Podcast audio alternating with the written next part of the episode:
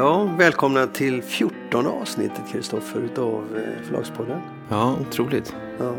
Och vi är de samma Det är Kristoffer Lind. och Lasse Winkler. Och egentligen är det så att vi spelade in det här avsnittet, hela avsnittet i Frankfurt.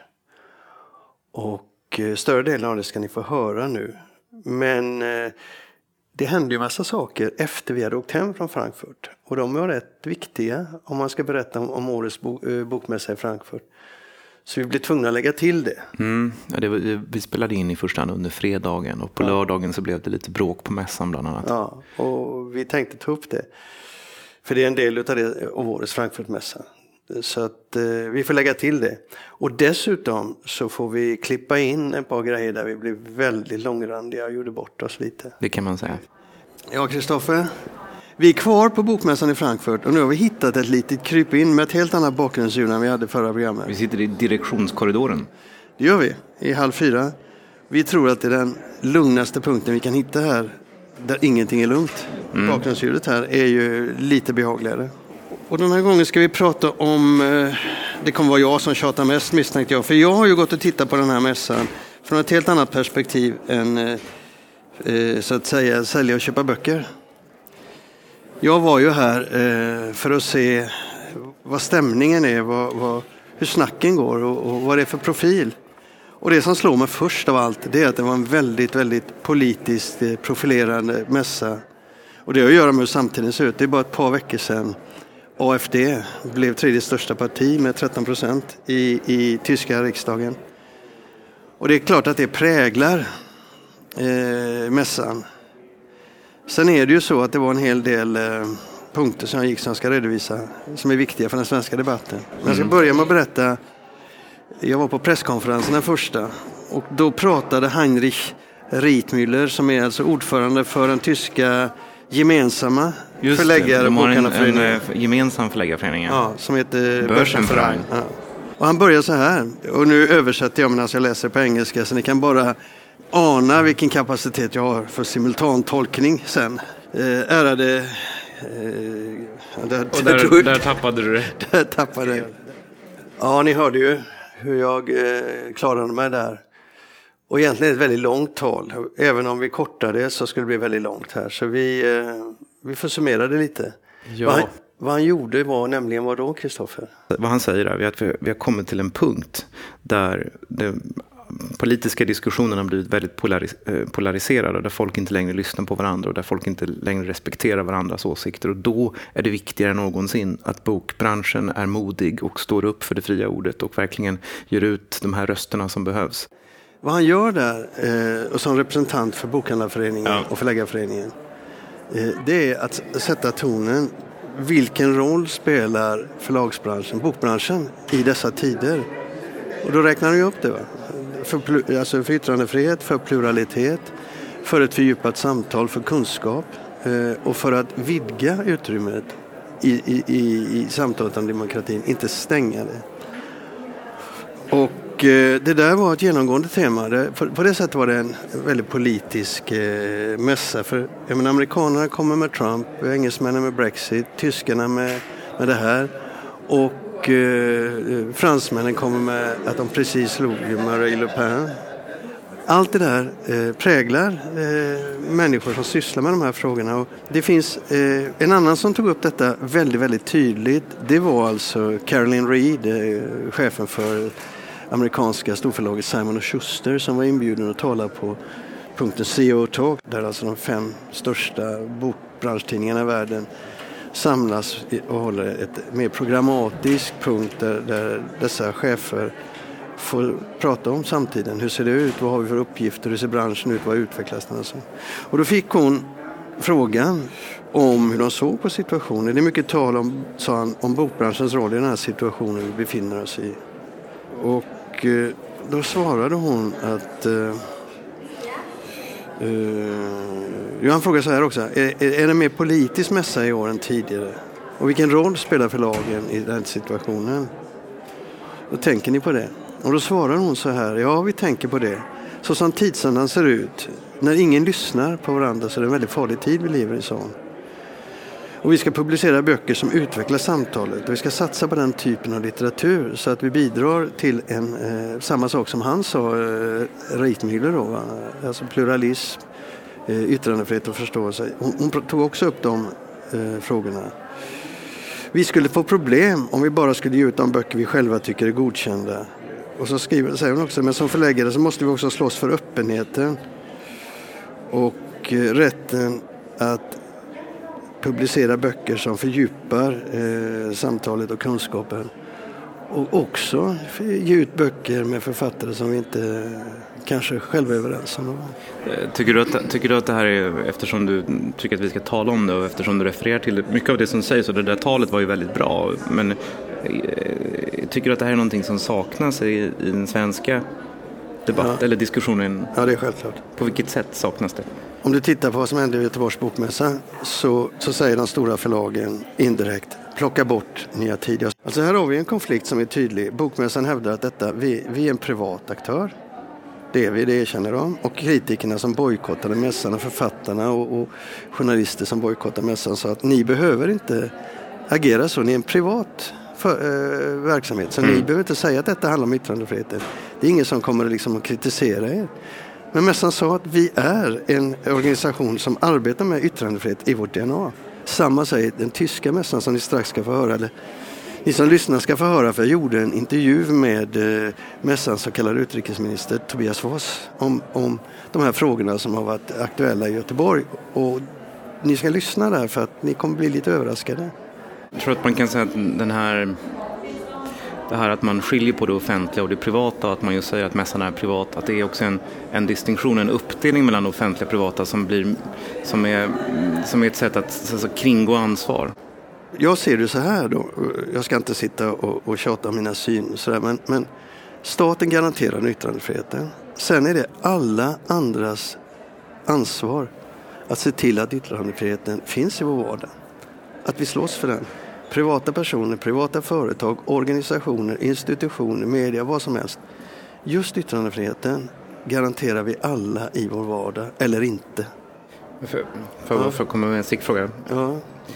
Eh, hur, om man, bort, om man liksom bortser från det här eh, diskussionerna kring nya tider och högerextrema problem på, på bokmässan i Frankfurt.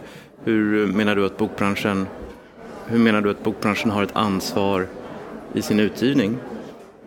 Alltså, du har inte ett ansvar i din utgivning att eh, stå för politiska ståndpunkter, men du har ansvar, den grundläggande ansvaret du har och det är ju den rollen böcker i allmänhet fyller när den ger oss kunskap, när den breddar vårt perspektiv, när de får oss att se den andra i oss själva. Eller Just, se jag tänker mig konkret i svensk utgivning exempelvis. På vilket sätt finns inte det här perspektivet med skulle du säga? Jo, alltså det gör det ju. Det finns ju där. Men när svenska förlag i, i, på Bokmässan, alltså det, svenska förlag går inte ut i offentligheten och säger de här sakerna. Nu är detta festtal, visst är det det. Men det behöver sägas i dessa tider vi lever i. Vänta, här finns det en förnuftig röst som säger Vänta lite, låt oss tänka efter. Men i Sverige så är svenska förlag inte publika på det sättet. Att de går inte ut i det offentliga samtalet. De säger inte att de har ett ansvar för det. Vilket jag säger är bullshit. De har ett jätteansvar att gå ut och definiera branschens frågor och så här vara riktkarlar för branschens intressen. I det här landet, så är det, i Tyskland, så är det väl också fortfarande så att det finns många förlag som faktiskt eller alla förlag hade ju problem under kriget. Mm. Eh, vissa anpassade sig, vissa, vissa ställde sig in, vissa, vissa gick i exil. Ganska många var ju faktiskt ex, bedrev ju exilverksamhet. Mm. S. Fischer förlag drevs ju delvis från Stockholm under kriget. Mm. Ja. Nej, alltså det, det, finns ju också, det finns ju också en, en, mer närvarande erfarenhet av, av censur och totalitarism. Ja, men, men ja, det gör det. Men jag, jag, fattar inte, amerikanska förlag säger detta och det har de sagt på andra, andra områden också. Brittiska förlag säger detta. Och du kan säga att det är, är festtal eller det är fina tillfällen, sen ska det upp i vardagen också. Men i de länderna så är faktiskt, har faktiskt de här förlagen gått ut och markerat vad, vilken roll de ska spela i ett allt mindre tolerant samhälle. Och det gör man inte i Sverige. Och när svenska stora förlag säger att vi ska fråga våra författare vad de tycker om Bokmässan i Göteborg. Då är min kräkreflex nära. Då tar de inget ansvar alls. Alltså. Jag menar, de får ju två grupper av författare. Vem ska de ignorera? Ingen, för de vill behålla alla så de håller käften. Men tillbaka här. Man har ju sagt det att, att, att eh, i Göteborg så hade vi problem med Nya Tider och det blev ett jävla liv. Det är ju liksom känt över hela världen nu. Men här, 2700 utställare, de har ett tiotal högerextrema, var det ett par nazistiska förlag som kom ur, ur, ur, från öst, östra delen av gamla mm. DDR då, uttalat nazistiska. Så då man hade man en punkt på dagordningen som hette Vad gör vi med de högerextrema eh, förlagen? Alltså en, en punkt på seminarieprogrammet? Eller? Ett seminarieprogram mm. här där man diskuterar och då är det fem stycken tyska män och Maria Kjellman som sitter där då. Och Maria Kjellman är enbart med för att berätta erfarenheterna. Men detta är en tysk Jag tror inte Kjell... Gud. Ja, det, eh, ja, småstressad här. Det är klart att Maria heter Kjellson. Ja. Mm jag satt på den. Jag spelade in den för jag tänkte det här kan bli intressant. Och det var ett oerhört intressant samtal. Och jag känner när jag kommer till Tyskland som att det är just det som jag sa i förra avsnittet också. Ett vuxet samtal om de här frågorna. För de diskuterar de här frågorna konkret. Det vuxna är väl, så som jag i alla fall uppfattar det tyska sam samtalsklimatet, är att man kan ha två vitt skilda åsikter i samma rum och båda respekterar varandra. Ja. Bara en sån sak som att man kan ha en koalition mellan, mellan eh, eh, Ja, Socialdemokraterna och Kristdemokraterna i Sverige hade ju, är det ju fortfarande så att det är politiskt närmast en otänkbar tanke att en, man skulle ha en koalition mellan M och S. Ja, så är det. Men, men här i alla fall på den här debatten då, så, var det, så där fanns ju kritiker som tog upp de här två nazistiska förlagen. Och motsvarigheten till, till uh, Nya Tider, alltså uh, Junge, Freiheit. Junge Freiheit som har en monter som var lika stor som din på bokmässan. Uh, väldigt elegant monter. Som, uh, var den lika elegant som min? Ja, din var inte så intelligent, men den här var elegant. Och som, hade 24, som varit här i 24 år tror jag. Och som ses som högerpopulister då. Va? De var det inte så mycket snack om eh, överhuvudtaget. Eh, och de är värre än vad ni har tidigare i Sverige. Eh, men de här två nazistiska förlagen koncentrerade man sig på. Och som ni ska höra sen i, min, i mitt samtal med, med Tobias Foss så har Bokmässan i Frankfurt samma linje. Det som fungerar, det som är lagen sätter gränsen. Samtalet gäller utgivningen, samtalet gäller uttrycket. Inte organisationen bakom då. Det betyder att Eh, eh om de ser böcker, om de får reda på böcker som är, är tveksamma så anmäler de det till sina, till sina vad heter det, jurister och sen går det vidare till polisen i så fall. Vad, den tyska lagstiftningen är ganska sträng. Det är också en skillnad mot Sverige. Hur ser den tyska lagstiftningen ut? Ja, det säger ju Tobias Foss ja, i vårt tar, samtal. Han, han tar, upp det. det. Ja. För jag kommer ihåg exempelvis så är ju eh, nationalsocialistiska symboler är förbjudna i Tyskland. Och eh, att förneka Holocaust, alltså förintelsen. Ja, ja, de, de två sakerna är förbjudna. Och jag minns för två eller tre år sedan så satt jag i eh, eh brittiska Pen and Sword Book Clubs eh, monter här på mässan. Och de har ju mycket böcker om andra världskriget och precis som böcker om andra världskriget i Sverige kan ha en svastika på omslaget så var det några som hade det. Då kom alltså mässpolisen dit och eh, tvingade då de här människorna som hade montern att sätta på små gula post-it-lappar på de här mm. Eh, svastikorna så det såg väldigt lustigt ut. Ja, men det är där, det är där gränsen går. Nazister är inte förbjudna i, i eh, Tyskland. Och nazistiska förlag är inte förbjudna i Tyskland. Så att det finns alltså flera nazistiska förlag i Tyskland som eh, verkar öppet. Eh, och några av dem finns alltså på mässan här.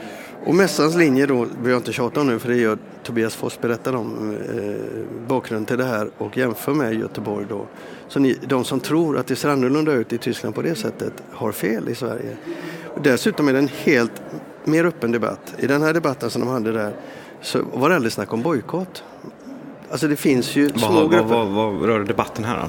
Det var ju om, om uh, hur man ska hantera nazist, eller högerextrema förlag. Eh, och, och, här pratar... och vad är då de olika ståndpunkterna? Alltså den här, det är framförallt eh, mediakritiker då som menar att, att gränsen går, man ska inte låta de här eh, förlagen, eh, få pub, när de ger ut de här böckerna så ska de inte få vara med. Men nästan så här, vi, vi stoppar böckerna och vi har tittat igenom deras böcker. Och de säger man stoppar det. böckerna men man stoppar inte organisationen. Stoppar... Nej. Eller när jag satt där så plötsligt så kommer det en man och en kvinna och en liten pojk fram. Och de ser ut som eh, posterboy och girls för, för den ariska rasen, och vilket, är med, vilket är medvetet då. Det är alltså en av de här eh, nazistiska förlagens eh, förlagschefen. Där. Ja, de bara dök upp där i lederhosen och började joddla? Nej, Nej. Nej alltså de gick, det, det var ju mycket folk. Och så plötsligt går de in och börjar gapa och skrika. Och, eh, Under själva den här debatten då? Ja, och så vill de ta eh, mikrofonen för att föra ut sitt budskap. De kommer inte åt mikrofonen. Det är över på en och en halv minut, två. Och inga vakter, inga poliser, utan de bara dras undan utan våld. Så dras de undan och tillbaka. Va? Och, och, och hela publiken är ju på mässans sida här. Va? Så att eh, de kommer ingen vart. Och då sitter en svensk frilansjournalist i i, vad heter det? I publiken? Ja. Och han tar en bild där den här tyske nazisten är, är, är, jag vet inte om han tog bilden när han, där han också får med Maria Kjellson som sitter där och undrar vad som händer. Va? Och så skickar han till Göteborgs-Posten. Alltså hennes telefon börjar ringa direkt när han har skickat sin eh, bild. Mm. Ja, som hon fick från eh, Kulturnytt, hon fick från Stora Tidningar, hon fick från GP. Jag tror att de flesta fattade att det var, det var skit, men, men inte GP. Utan de eh, toppade med rubriken Högerextrem aktion mot Bokmässans VD. Nej, får se. Ja. Ja, just det. Där har de då klippt in en bild på Maria Kjellson och sen ser det en bild på den här högerextrema kvinnan som gör något. Här. Ja, just det. Mm. Eh, delar ut flygblad. Men, men jag satt ju alldeles bredvid där. Jag tror jag är med på den. Ja, jag är med där bakom på den bilden. Eh, de bytte den sen. Men det här är rätt intressant. Den här nazisten hade ju ingen aning om vem Maria Kjellson var. Det var en tysk debatt, så han gick mm. på den tyska. Och, och, man är mer van vid det här. Va? Så de fortsatte prata, tog det som exempel. Så här gör nazisterna här. Vi ska inte gå på det. De vill provocera uppmärksamheten för att få media att skriva. I Sverige behöver de inte det, här för de skriver media så in helvete bara för att de ser en konflikt. Men här gör de inte det. Och det var ett väldigt, väldigt eh, intressant samtal då. Och i morse då så hade Jörgen Bosch eh, som är alltså vd för hela mässan. Man hade satt in ett samtal som handlar om den nya högen. Eh, vilket också Tobias Foss pratar om här strax.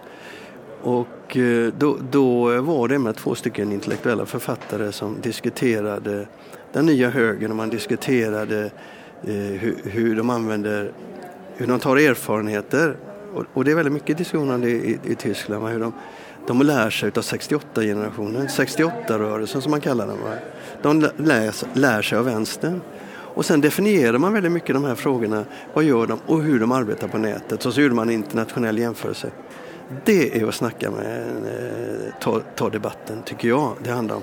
Det var ett oerhört intressant samtal som de hade där om framtiden och, och, och, och hur man ska se på de här frågorna vi kapar lite och så kör vi eh, mitt samtal med Jörgen Foss här, mm. så återkommer vi strax.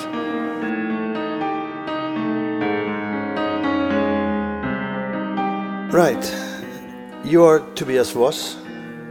Is yes. that the right pronunciation? Yes, I'm the head uh, of the Department International Relations or International Affairs at the Frankfurt Book Fair. What is the policy from the Frankfurt Book Fair when it yes. comes to to uh, right-wing publishers yes. or Nazi publishers. Yes, we have a, a, a very strict mind about this, uh, or a strict position. You can say it in one sentence: everything is allowed if it does not, uh, if it does not is, is against the law. Men, säger Tobias Foss, i Tyskland är det inte utställaren som står i centrum, som i Sverige. Men det verk de ger ut, en bok, en bild etc. Och mässan själva agerar inte utan man vänder sig via sina advokater till domstol eller polis. Det är de som avgör om till exempel en bok bryter mot lagen. Om boken bryter mot lagen så plockas den bort men förlaget eller utställaren får vara, får vara kvar. På årets bokmässa i Frankfurt finns ett tiotal representanter för olika delar av extremhögern. Däribland både den nya och den gamla sortens nazister bland över 7200 utställare. Den nya högen kallas så bland annat för att de inte förnekar förintelsen och inte bär nazistiska symboler som till exempel hakkors. Vilket är förbjudet enligt lag, men i övrigt precis som de gamla nazisterna. På mässan finns till exempel förlaget Antaios från östra Tyskland som räknas till den nya högen och organisationen i Europa Terra Nostra som räknas till den gamla nazismen. Europa Terra Nostra är inom parentes en organisation som är aktiv i sju, åtta europeiska länder, bland annat Sverige. Och ordföranden är Dan Eriksson, en svensk. Men ingen av dem bryter mot den tyska lagen och kan därför inte stoppas från mässan, säger Tobias Foss. Det har varit en hel del uppmärksamhet runt de här två organisationerna, både före och under mässan. Is, isn't there any opposition in, in Germany It about is. this? It is. Uh, there was uh, the pen actually uh, asked us to to ban two books uh, from a book show, not from Antaios, from another uh, publishing house. It was Terra uh, Europa Terra Nostra. These are these are more the old Nazis, um, but we have had a look to these books, and we asked uh, our law department to have a look, and they said uh, there are ugly things in it, but uh, nothing that is uh, relevant for for the court or for for for a lawyer. So we didn't take it out. Det var, säger Tobias Foss, kritik innan mässan. Bland annat ville tyska PEN att två böcker från eh, det nazistiska förlaget Europa Terra Nostra skulle bannlysas. Och mässan lät, lät titta på de här böckerna men konstaterade att även om de var fruktansvärda så bröt de inte mot lagen, så de fick vara kvar. Han poängterar också att även de här grupperna har rätt till yttrandefriheten, att få säga vad de tycker. Även om de är emot vår frihet, säger han, så får de lov att säga det. Jag känner ingen som helst sympati för de här idéerna, men vi får acceptera att de uttrycks. Jag ställer frågan till Tobias Foss om hur Frankfurtmässan ser på det som hänt i Sverige. Bland annat det faktum att kritiken mot Göteborgs bokmässa var så hård. Och en bärande kritik var den att eftersom det är en privat mässa så behöver de inte alls prata om yttrandefrihet.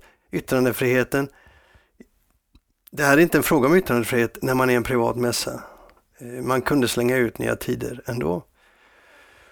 På det svarar Tobias Foss att eh, även Frankfurt är en eh, privat ägd mässa we stick to the freedom of speech and this uh, is also um, this is a, a, very high value we could not go uh, to tehran Ja, vi är, vi är alltså en uh, privat företag. Men för oss är yttrandefriheten central och den kan inte vara annat.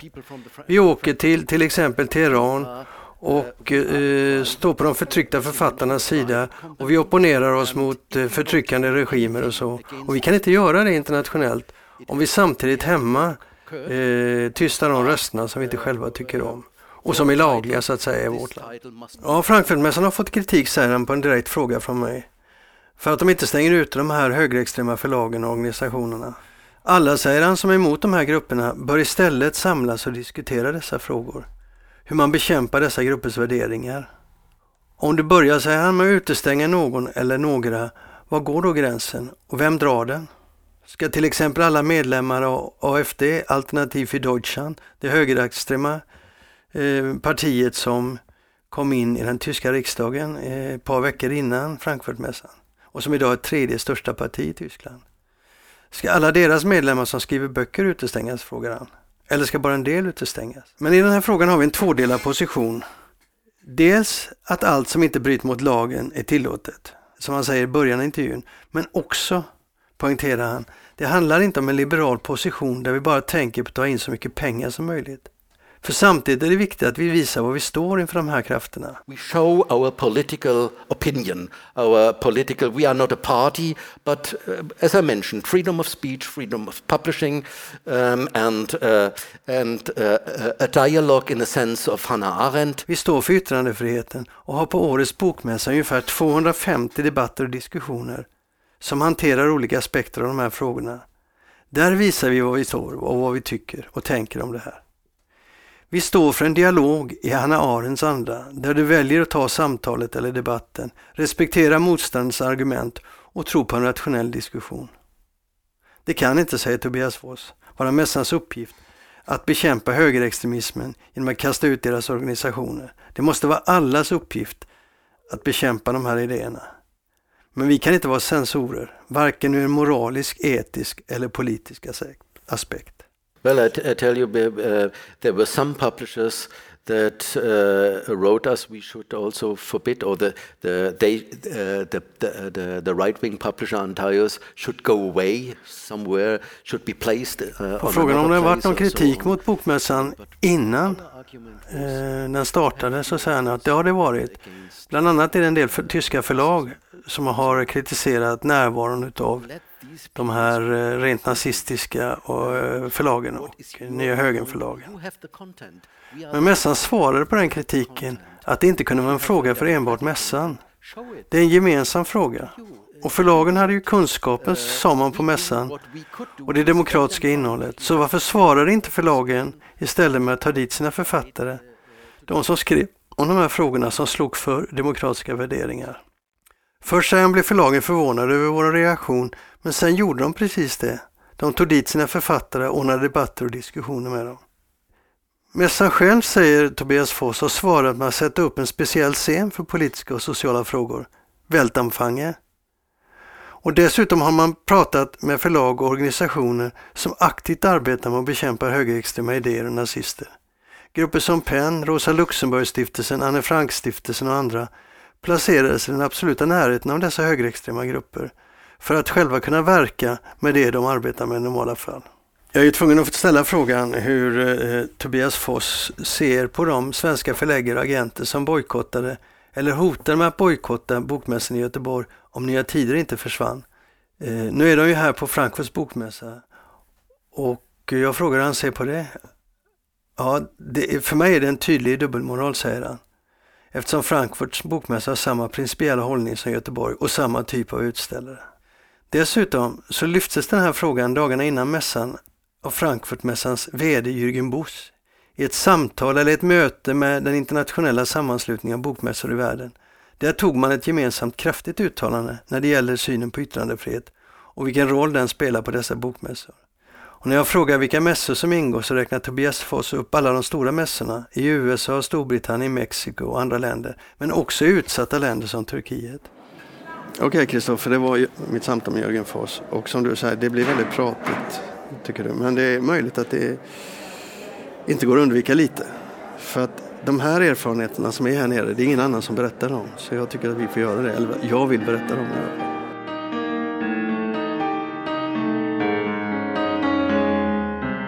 Nu är vi inne på den här eh, frågan om det som hände i Frankfurt efter vi åkt hem. Mm. Eh, det som vi inte kunde få med oss. Vi Nej, där. jag satte ju kaffet i vrångstrupen när jag läste tidningen när jag hade kommit hem. För att vi satt ju där nere och beskrev då hur man i Tyskland förhåller sig till diskussionen och debatten och hur, hur duktiga också tyskarna är på att hantera debatten. Du beskrev ju den här eh, debatten när någon, eh, någon hade liksom eh, gripit in och börjat försöka ta över och bara tyskarna hade föst undan dem lite snyggt.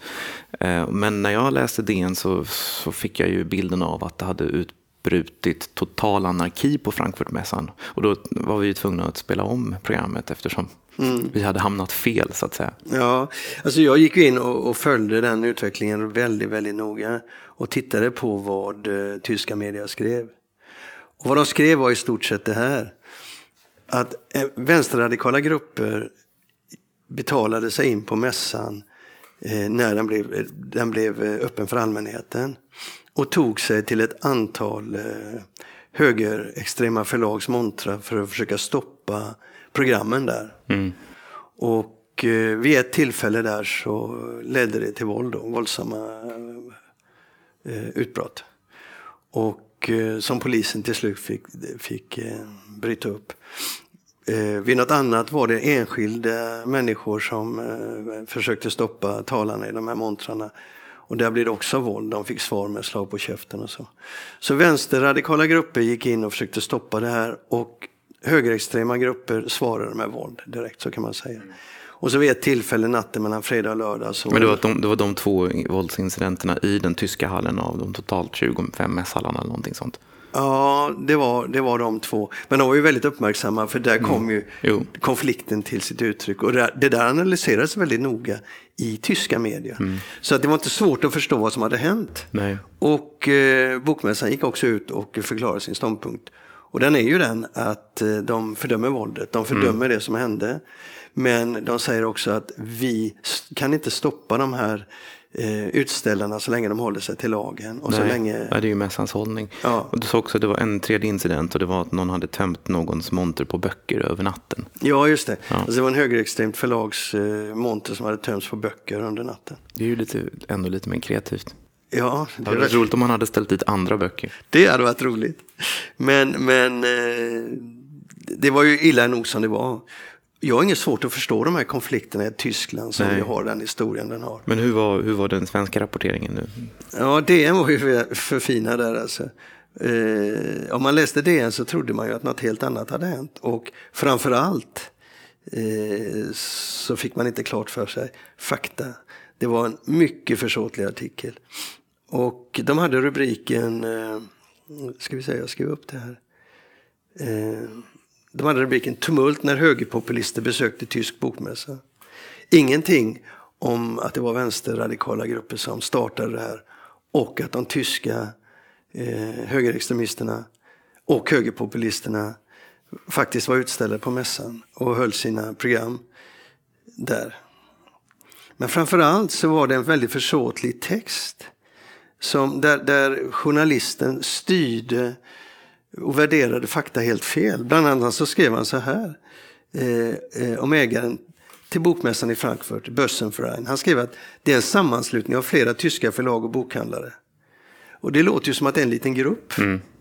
Men det är alltså det är den stora branschorganisationen. Det är den starkaste kraften i Tyskland och de har den största bokmässan i världen. På ett sätt kan man säga att den starkaste bok, bokorganisationen i hela världen för att den, den eh, inkluderar ju både bokhandlare och förlag, annars brukar det vara två olika grupperingar. Absolut. Och så skriver han också, citat, säger sig vilja värna demokratin och det fria ordet. Alltså det är ju ett sätt att tala om för, för eh, läsarna att det ska ni tvivla på. Jag är osäker på att de verkligen gör det. Och det säger han om en organisation som arbetar med yttrandefrihet och bekämpat diktaturer i praktisk handling och stött förföljda författare i praktisk handling. Alltså ända sedan långt innan han var född. Det är det de har byggt sitt rykte på. Det är det de är kända för Ja, var, det inte nå- var det inte någonting om debatten också? Att det här där föranletts av... Ja, han skrev ju det att den, det, det var en debatt som... Han skrev också att de högerpopulistiska aktörernas deltagande på Frankfurtmässan hade föranletts av en debatt som påminner om den om bokmässan i Göteborg.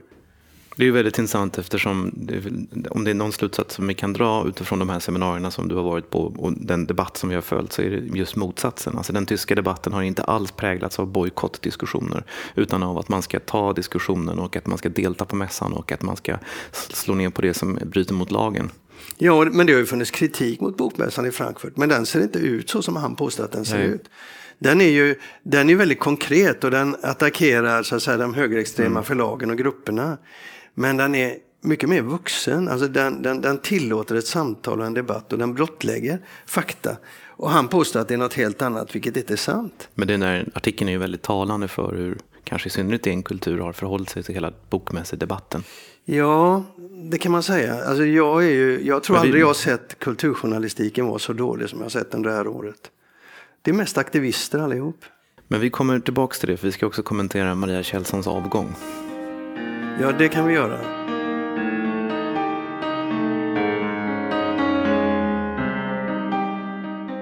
Ja, Tobias, äh, Tobias säger jag.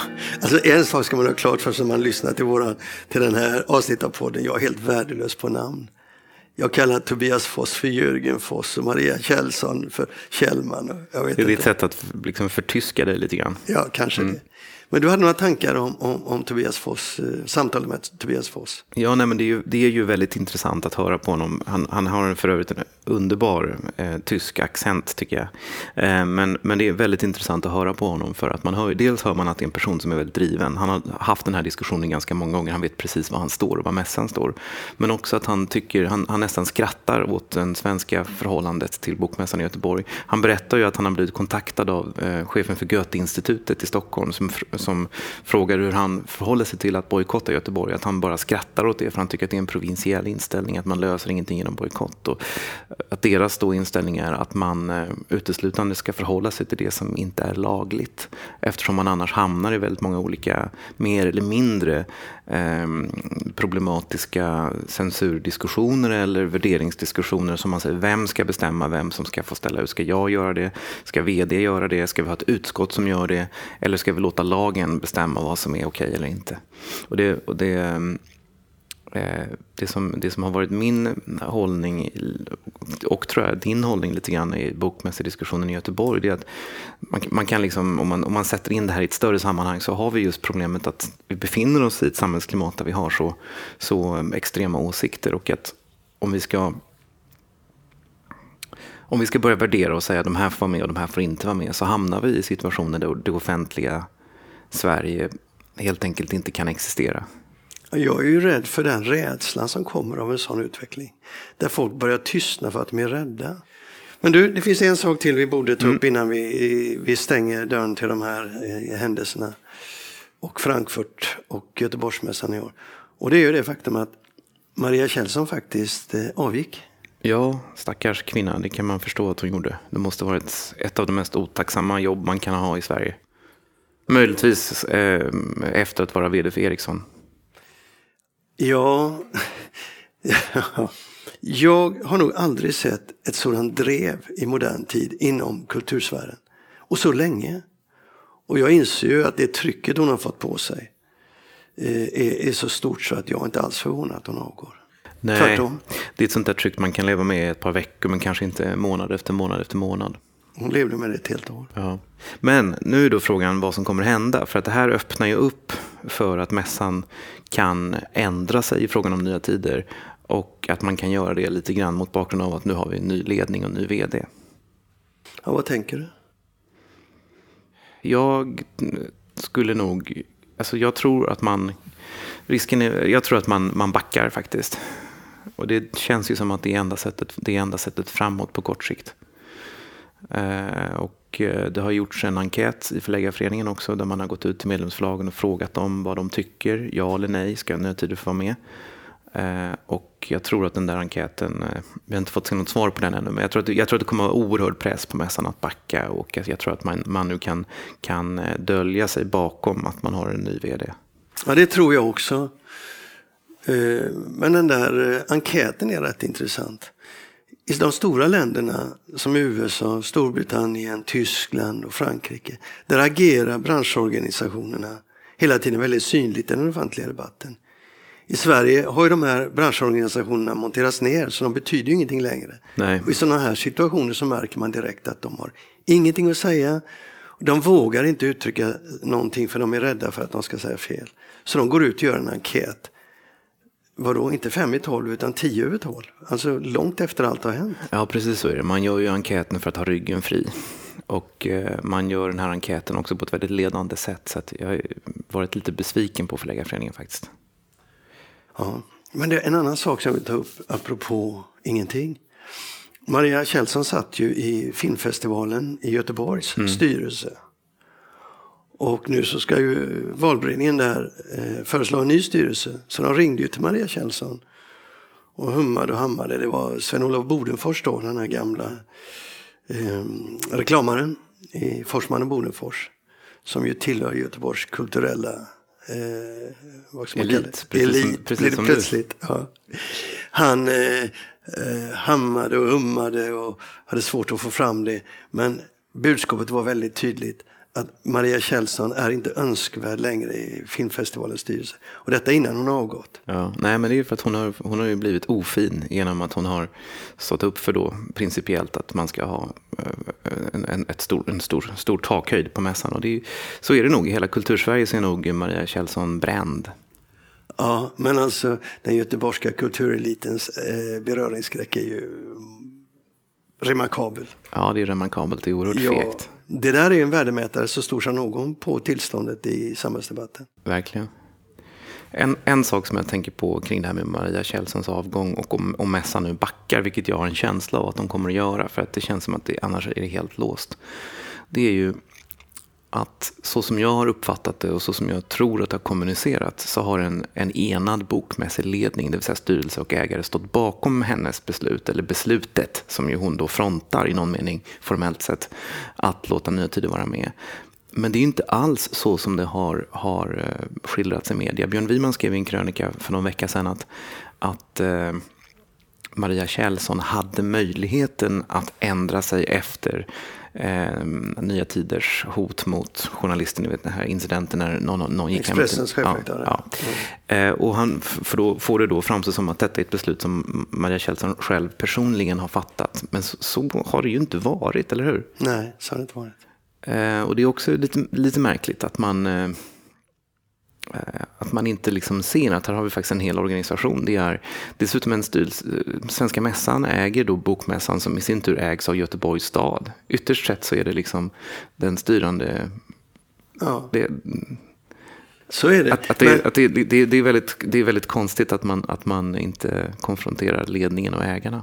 Ja, jag ville bara ha sagt detta, att det, det är märkligt hur det skildras att det, eh, det, är hon personligen som bestämmer allt när det faktiskt är en styrelse som, ja. som står bakom.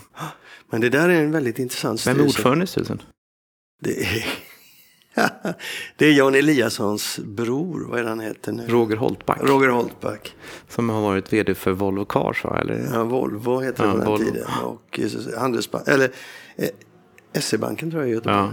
Eh. Men han har klarat sig. Det är ingen som har frågat honom vad han tycker om Nya Tider. För det måste ju vara i egenskap av ordförande i styrelsen så måste det vara ytterst han som faktiskt har sista ordet. Ja, men det är just det som är intressant. Journalisterna gör ju inte det jobbet. Eh, nu är inte jag säker på att han hade vågat svara men, men eh, det finns fler man skulle ha frågat där i, i, i ledningen för ja. Svenska Mässan. Men eh, Ja. Det blir ju inte minst intressant eftersom då Svenska Mässan ägs av staden som drivs av politiker. Så det hade ju varit väldigt intressant om, om ledande politiker hade också dragits in i diskussionen. Ja, det hade nog varit rätt viktigt om man ja. hade gjort det. För, det. för det här är ju, det handlar ju inte bara om mässan utan det handlar ju om, eh, det handlar om allt som, som, som vi kommer att möta framöver. Det handlar ju om hur vi, vad vi ska göra på eh, den lokala loppmarknaden, vad vi ska göra på eh, Almedalsmässan i, på Gotland. Det handlar om så mycket. Mm. Så det, det, är ju att, att, att, det att göra det väldigt lätt för sig att säga att bokmässan har ett problem som inte är vårt. Mm. Och vad vi ältar. Nu får vi sluta. Mm. Det där var dagens program. Vi säger hej då och nästa gång när vi kommer tillbaka så är det precis som vanligt. Då ska vi diskutera hur man bygger en lista på ett förlag och kommentera lite om Augustpriset. Och vi kan lova lyssnarna att ni slipper höra mer om Bokmässan i Frankfurt och Bokmässan i Göteborg och Nya Tider. Det ska vara absolut Nya Tider fritt.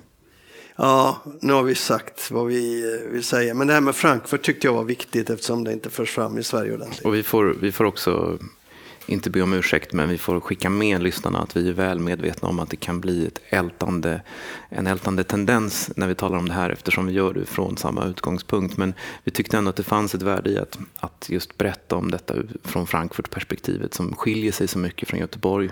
Mm. Så är det. Hej då! Hej då!